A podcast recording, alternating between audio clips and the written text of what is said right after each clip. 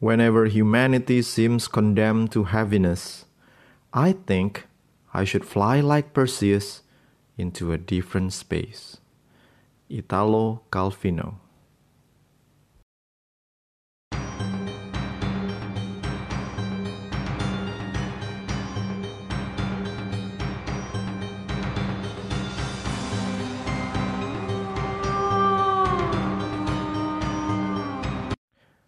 Halo selamat siang semua pecinta mitologi santuy. Kembali lagi bersama gua Guru Kelana. Dan kali ini kita akan melanjutkan kembali Petualangan Perseus dalam pencariannya terhadap Medusa.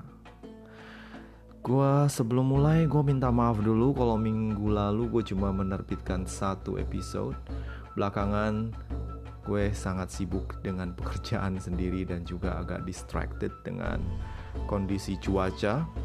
Jadi kalau lu tahu beberapa hari yang lalu sekitar hari Jumat atau hari Kamis, Kamis kalau nggak salah, ketika gue niat untuk melanjutkan episode dari Perseus, lalu yang terjadi di Jakarta adalah hujan lebat yang luar biasa. Dengan petir bersautan, kilat menyambar ke sana ke kemari dan kebetulan gua terjebak di bawah kolong jalan layang. So, gua mengurungkan niat untuk melanjutkan. Padahal kalau gue pikir-pikir gua rekaman dengan kondisi suara background petir itu mungkin akan sesuai dengan episode kali ini yang penuh dengan action. Tapi enggak lah, pasti error nanti gue jadinya. Anyway, mari kita lanjutkan episode terbaru dari kisah petualangan Perseus. Yo.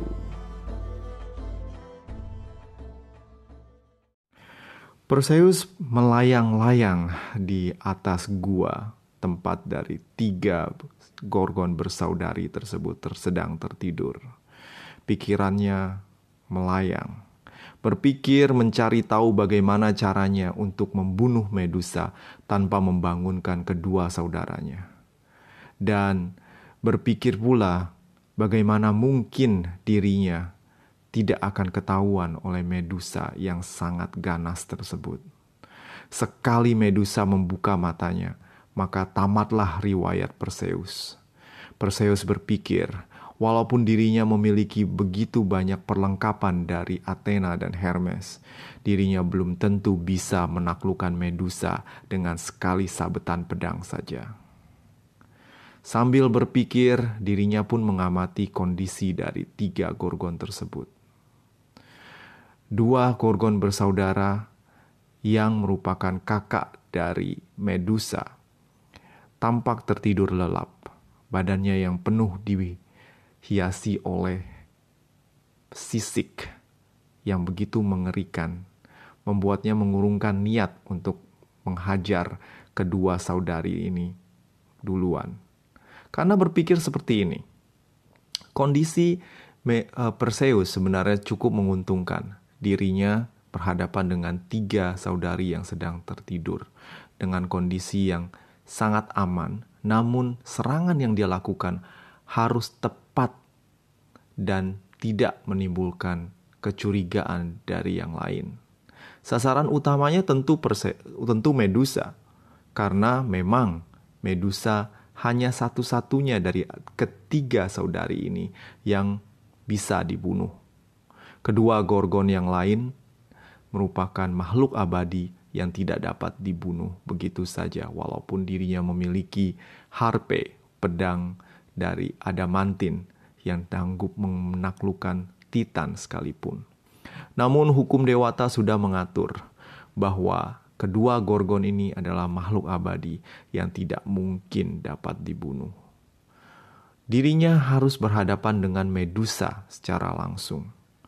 Dia harus berhasil dalam satu tebasan. Sambil berpikir, kemudian inspirasi dari Athena pun muncul. Athena dalam wujud suara hati Perseus berkata, "Dekati tapi jangan terlihat. Dan Perseus pun mendapatkan ide. Aha! Sebuah lampu bola menyala di samping kepala Perseus. ting. Oh iya, kan gue punya topi invisibility. Topi yang bikin gue nggak bisa kelihatan. Topi pemberian dari Hades yang dititipkan kepada Athena. Bener juga, kenapa gue geblek banget nggak kepikiran. Lalu Perseus kemudian mengambil topi tersebut dari tas yang diberikan oleh Athena. Setelah dikenakan topi tersebut, benar saja, Perseus tidak terlihat. Dirinya tembus pandang, bagaikan bagaikan Sam dan Frodo yang menutup dirinya dengan jubah di film Lord of the Ring. Itu loh yang adegan yang dia hampir ke gerbang Mordor. Ah, oke. Okay. Ah, kalau you tahu reference ini berarti lu seumuran sama gue. Anyway, balik kita bang lanjut aja ke cerita lagi aduh gue jadi keregetan sendiri anyway so um, dengan posisi tidak terlihat ini Perseus pun kemudian turun menghampiri ketiga gorgon tersebut layaknya makhluk yang mengerikan ketika tidur pun mereka tidak tampak seperti makhluk yang penuh dengan kedamaian ketiga gorgon ini tidur dengan posisi ngorok. Suaranya yang kencang membuat Perseus sedikit merasa agak tenang karena mereka tertidur. Ngorok tandanya tidur. Perseus pun merasa tenang. Ah, paling nggak mereka ngorok, gue tahu dia tidur, jadi dia nggak bakal bangun. Lalu Perseus mengayunkan, melatih otot tangannya dengan pedang harpe yang diterimanya dari Athena berusaha di, diarahkan dan kemudian Perseus di tangan kirinya menenteng Aegis. Aegis adalah perisai yang diberikan oleh Athena. Sebenarnya perisai tersebut adalah milik dari Zeus, namun sering dipakai gantian oleh Zeus dan Athena. Konon, perisai ini mem memiliki suatu kemampuan untuk mendatangkan begitu banyak petaka yang luar biasa. Di kemudian hari, Perisai ini pernah dipakai, akan dipakai oleh Apollo dalam perang Troya. Namun kali ini perisai tersebut merupakan perisai yang dititipkan kepada Perseus. Permukaan perisai ini bagaikan cermin. Jadi kalau lu mau ngaca, lu bisa lewat perisai Aegis ini. Perseus yang sudah mendapatkan instruction manual dari Athena sebelumnya, kemudian menggunakan perisai tersebut untuk melihat Medusa. Namun ketika dia memakainya, dia tidak bisa melihat Medusa sama sekali. Dia tidak bisa melihat bayangannya sendiri dan dia baru sadar kalau oh iya ya kan gue pakai topi invisibility. Sadar dirinya bodoh. Dia pun kemudian melepaskan topi tersebut dan memasukkannya ke dalam tas. Namun sekarang Perseus mendapati dirinya dalam kondisi yang lebih berbahaya dari sebelumnya. Dirinya terekspos, dirinya terlihat wujud nyatanya dengan memakai perisai dan pedang ada di hadapan Medusa. Sekali Medusa bangun saja, dirinya mungkin akan menjadi batu. Lalu dengan segera, Perseus bermandikan peluh, keringat dingin, ketakutan, takut kalau suatu saat satu saja, satu suara yang mengerikan saja muncul dari ketiga gorgon ini, maka dirinya akan tewas. Entah tewas dicabik-cabik oleh para gorgon atau berubah menjadi patung batu seperti patung-patung di sekitarnya. Lalu Perseus perlahan mengangkat pedangnya. Sorry tadi ada tukang bakso lewat ya. Sorry banget, sorry banget, sorry banget. Lagi seru tiba-tiba ada ah, tukang bakso. You please lah. Oke. Okay. Kayaknya dia udah pergi. So, dengan segera Perseus mengangkat pedangnya. Berusaha untuk melatih dirinya melihat ke perisai.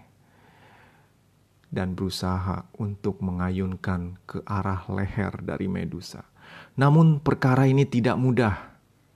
Athena mengatakan bahwa jangan sekali-kali engkau menyerang Medusa secara langsung, melihat dirinya saja, membuka mata, dirimu akan berubah menjadi batu. Jangan sekali-kali memandang dirinya dengan matamu sendiri Dirinya tahu kalau dia harus menggunakan Aegis sebagai pantulan dari bayangan Medusa yang sedang tertidur.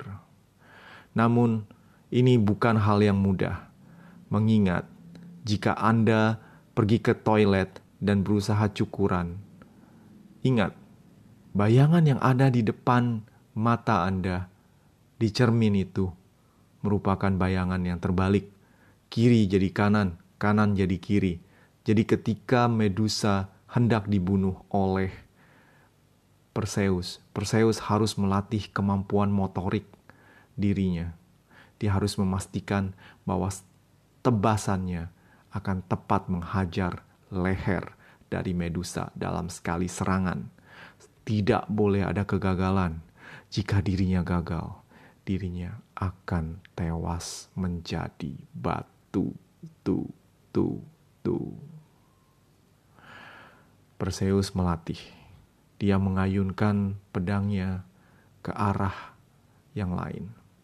Perlahan dia mendapatkan kebiasaan, mulai terbiasa dengan setiap ayunan pedangnya. Lalu dirinya pun kemudian mencoba. Tangan Perseus memegang harpe, pedang adamantin yang begitu tajam. Dirinya kemudian menggunakan tangan kirinya yang memegang Aegis untuk memantulkan bayangan Medusa. Sasarannya adalah leher. Medusa sedang tertidur. Suara dengkurnya yang lumayan keras membuat Perseus merasa mulai ketakutan. Aku tidak boleh gagal. Gua gagal, gua jadi batu. Tuh, tuh.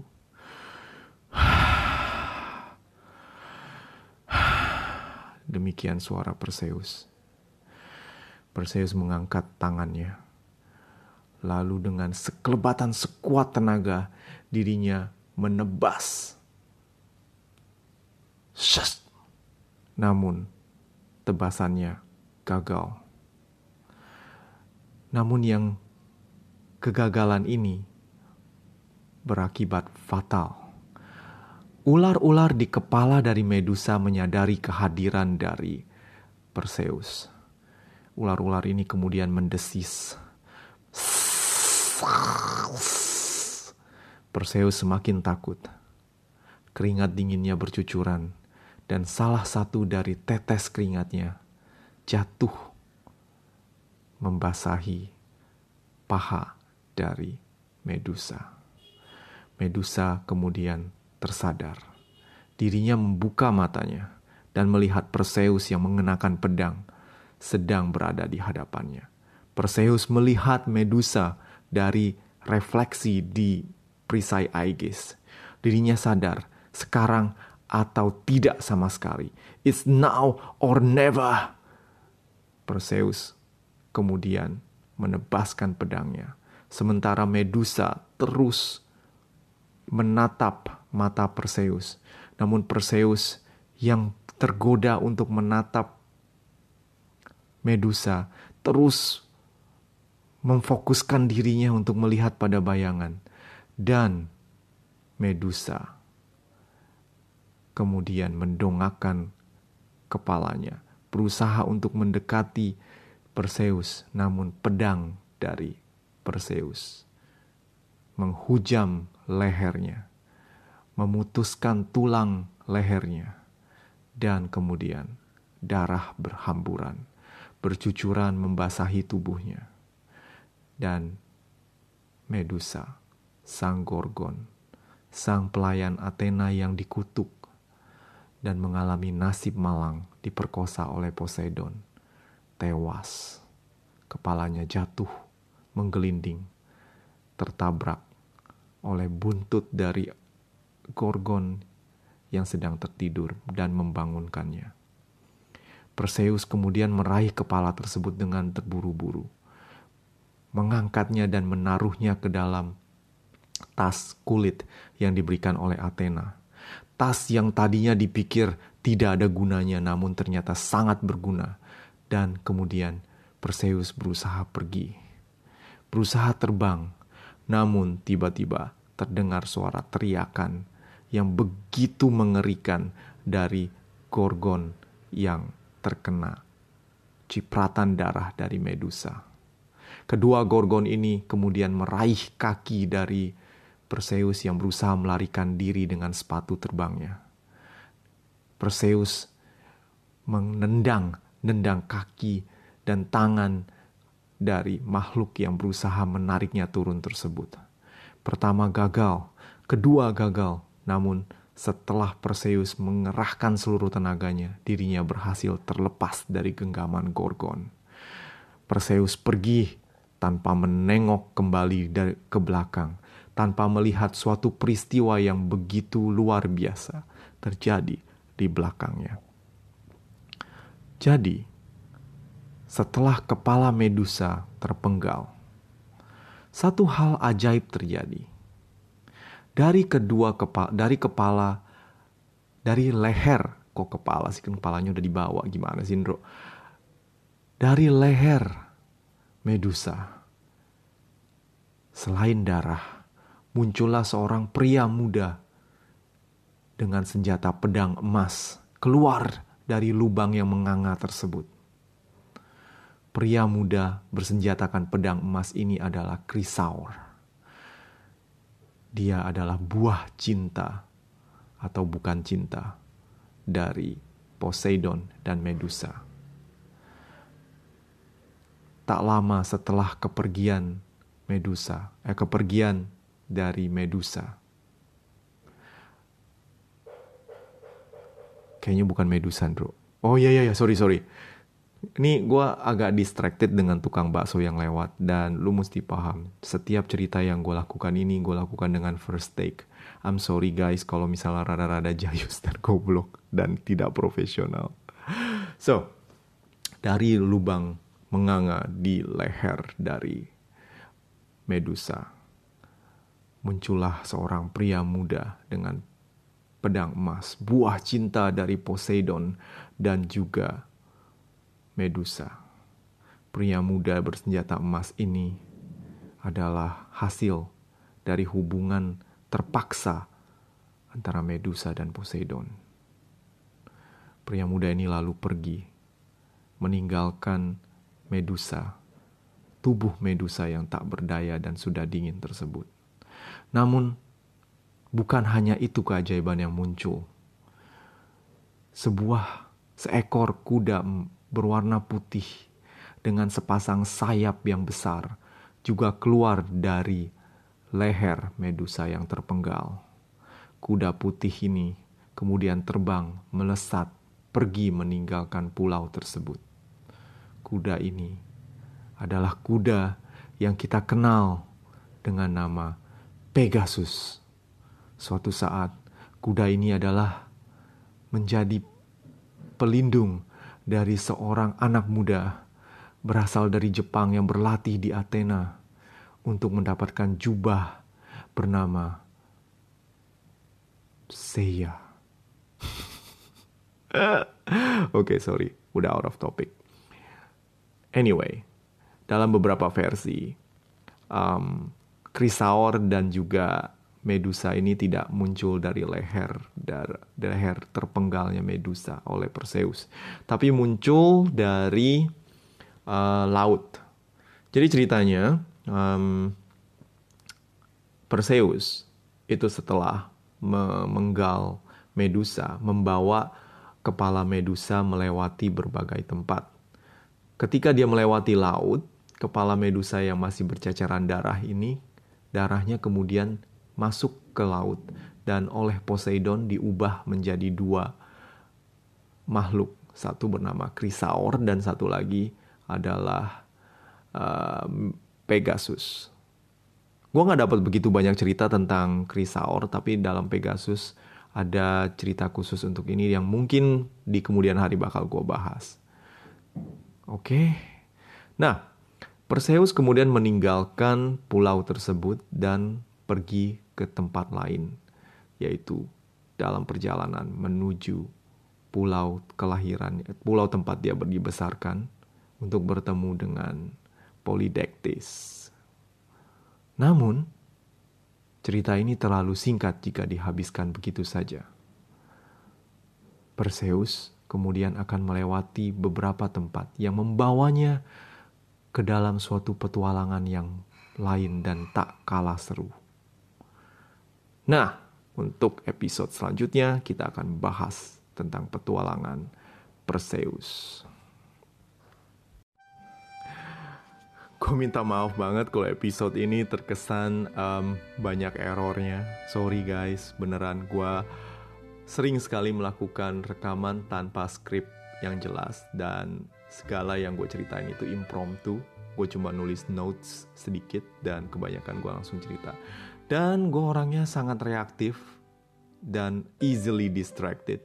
Jadi kalau ada suara tukang bakso lewat atau suara yang lain, gue susah fokus dan gue langsung uh, buyar sorry ya guys uh, mudah-mudahan lu bisa maafin gue yang rada-rada error ini oke okay, um, jadi um, ada hal menarik yang pengen gue share tentang Medusa um, selama berabad-abad figur Medusa itu selalu diceritakan sebagai figur yang menakutkan, menyeramkan dan Perseus itu sebagai pahlawan dan dia membunuh Medusa yang uh, pada satu sisi memang um, gimana ya korban dari keadaan dan situasi dan ketidakadilan oleh para dewata. Namun pada satu hal yang lain, dia juga membunuh begitu banyak orang yang mencari dirinya untuk dibunuh. So it's a self defense kind of thing. So selama berabad-abad penggambaran Medusa itu cenderung negatif. Namun um, belakangan ini kita memiliki satu pandangan yang berbeda. Masyarakat sekarang sudah mengakui hal-hal yang lebih humanis dibandingkan dengan masyarakat pada uh, zaman di mana mitologi ini masih dianggap sebagai bagian dari uh, cerita sejarah. Serius, dulu cerita seperti ini ada yang menganggap sebagai bagian dari kehidupan sehari-hari dan bagian dari um, warisan sejarah mereka. So, ada waktu itu gue ngeliat postingan tentang uh, salah satu temen Facebook gue yang nge-tag gue. Dia dia dia tahu kalau gue demen banget nah, sama cerita-cerita mitologi. Dan dia dia nge-tag gue dia bilang gini, uh, eh gue ketemu ini nih. Ada patung uh, di Amerika. Ada patung Medusa yang bawa kepala Perseus.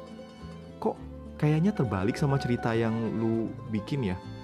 Lalu gue bilang oh coba gue lihat coba lu share. Gue lihat ketika gue lihat gambarnya memang itu ada gambar Medusa yang look so tough and badass dan dia memegang kepala seorang laki-laki yang merupakan Medusa eh, merupakan Perseus.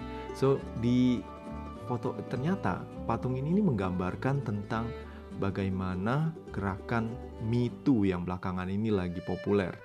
Yang you know the Weinstein Epstein Epstein atau Weinstein yang kemudian melahirkan satu gerakan orang-orang yang terancam atau pernah dilecehkan secara seksual dan kemudian come out into the open dan ini menampilkan bagaimana suatu korban perkosaan kemudian berhasil menunjukkan kalau dirinya itu seharusnya yang menjadi um, apa fokus atau perhatian bukan sebagai suatu cercaan atau hinaan.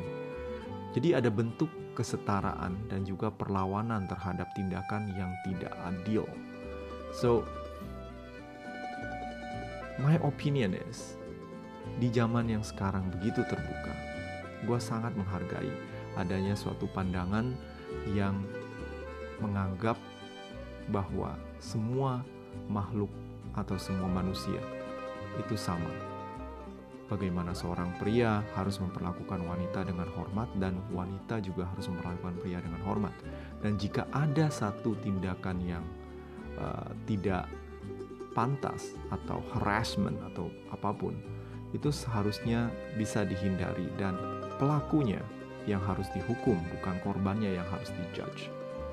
Medusa ini adalah salah satu korban dari pelecehan seksual yang kemudian berakibat pada dirinya yang dihukum, bukan pelakunya, yaitu Poseidon, hanya karena beliau memiliki rank dewa yang lebih tinggi daripada uh, daripada Med um, Athena. So, kudos to you guys para pejuang hak asasi manusia dan For guys and girls, please respect your opposite sex the way you want them to respect you. Wah, jadi serius banget hari ini. so anyway, um, thank you for dengerin uh, celotehan gue hari ini. Um, gue berharap di episode selanjutnya gue bisa uh, terbitin setiap minggu dua kali. Cuma belakangan beneran gue sibuk banyak banget kerjaan dan sana sini dari kerjaan uh, sekolah dan juga nulis dan lain-lain dan semoga tapi gue komitmen paling nggak seminggu sekali gue bisa terbitin thank you buat pendengar semua. Dan jika ada teman-teman yang pengen ngobrol sama gue atau pengen nanya-nanya soal mitologi atau pengen ya you know um, misalnya mungkin gue ada yang salah atau memang untuk kritik dan lain-lain you bisa ngobrol sama gue di gurukelana.com itu website gue atau kalau lu pengen um, lewat email juga bisa gurukelana 007 at gmail.com or my Instagram gurukelana. Makasih buat semua yang udah dengerin and stay safe dan tetap social distancing and see you again on our next episode. Stay safe and see you on the next one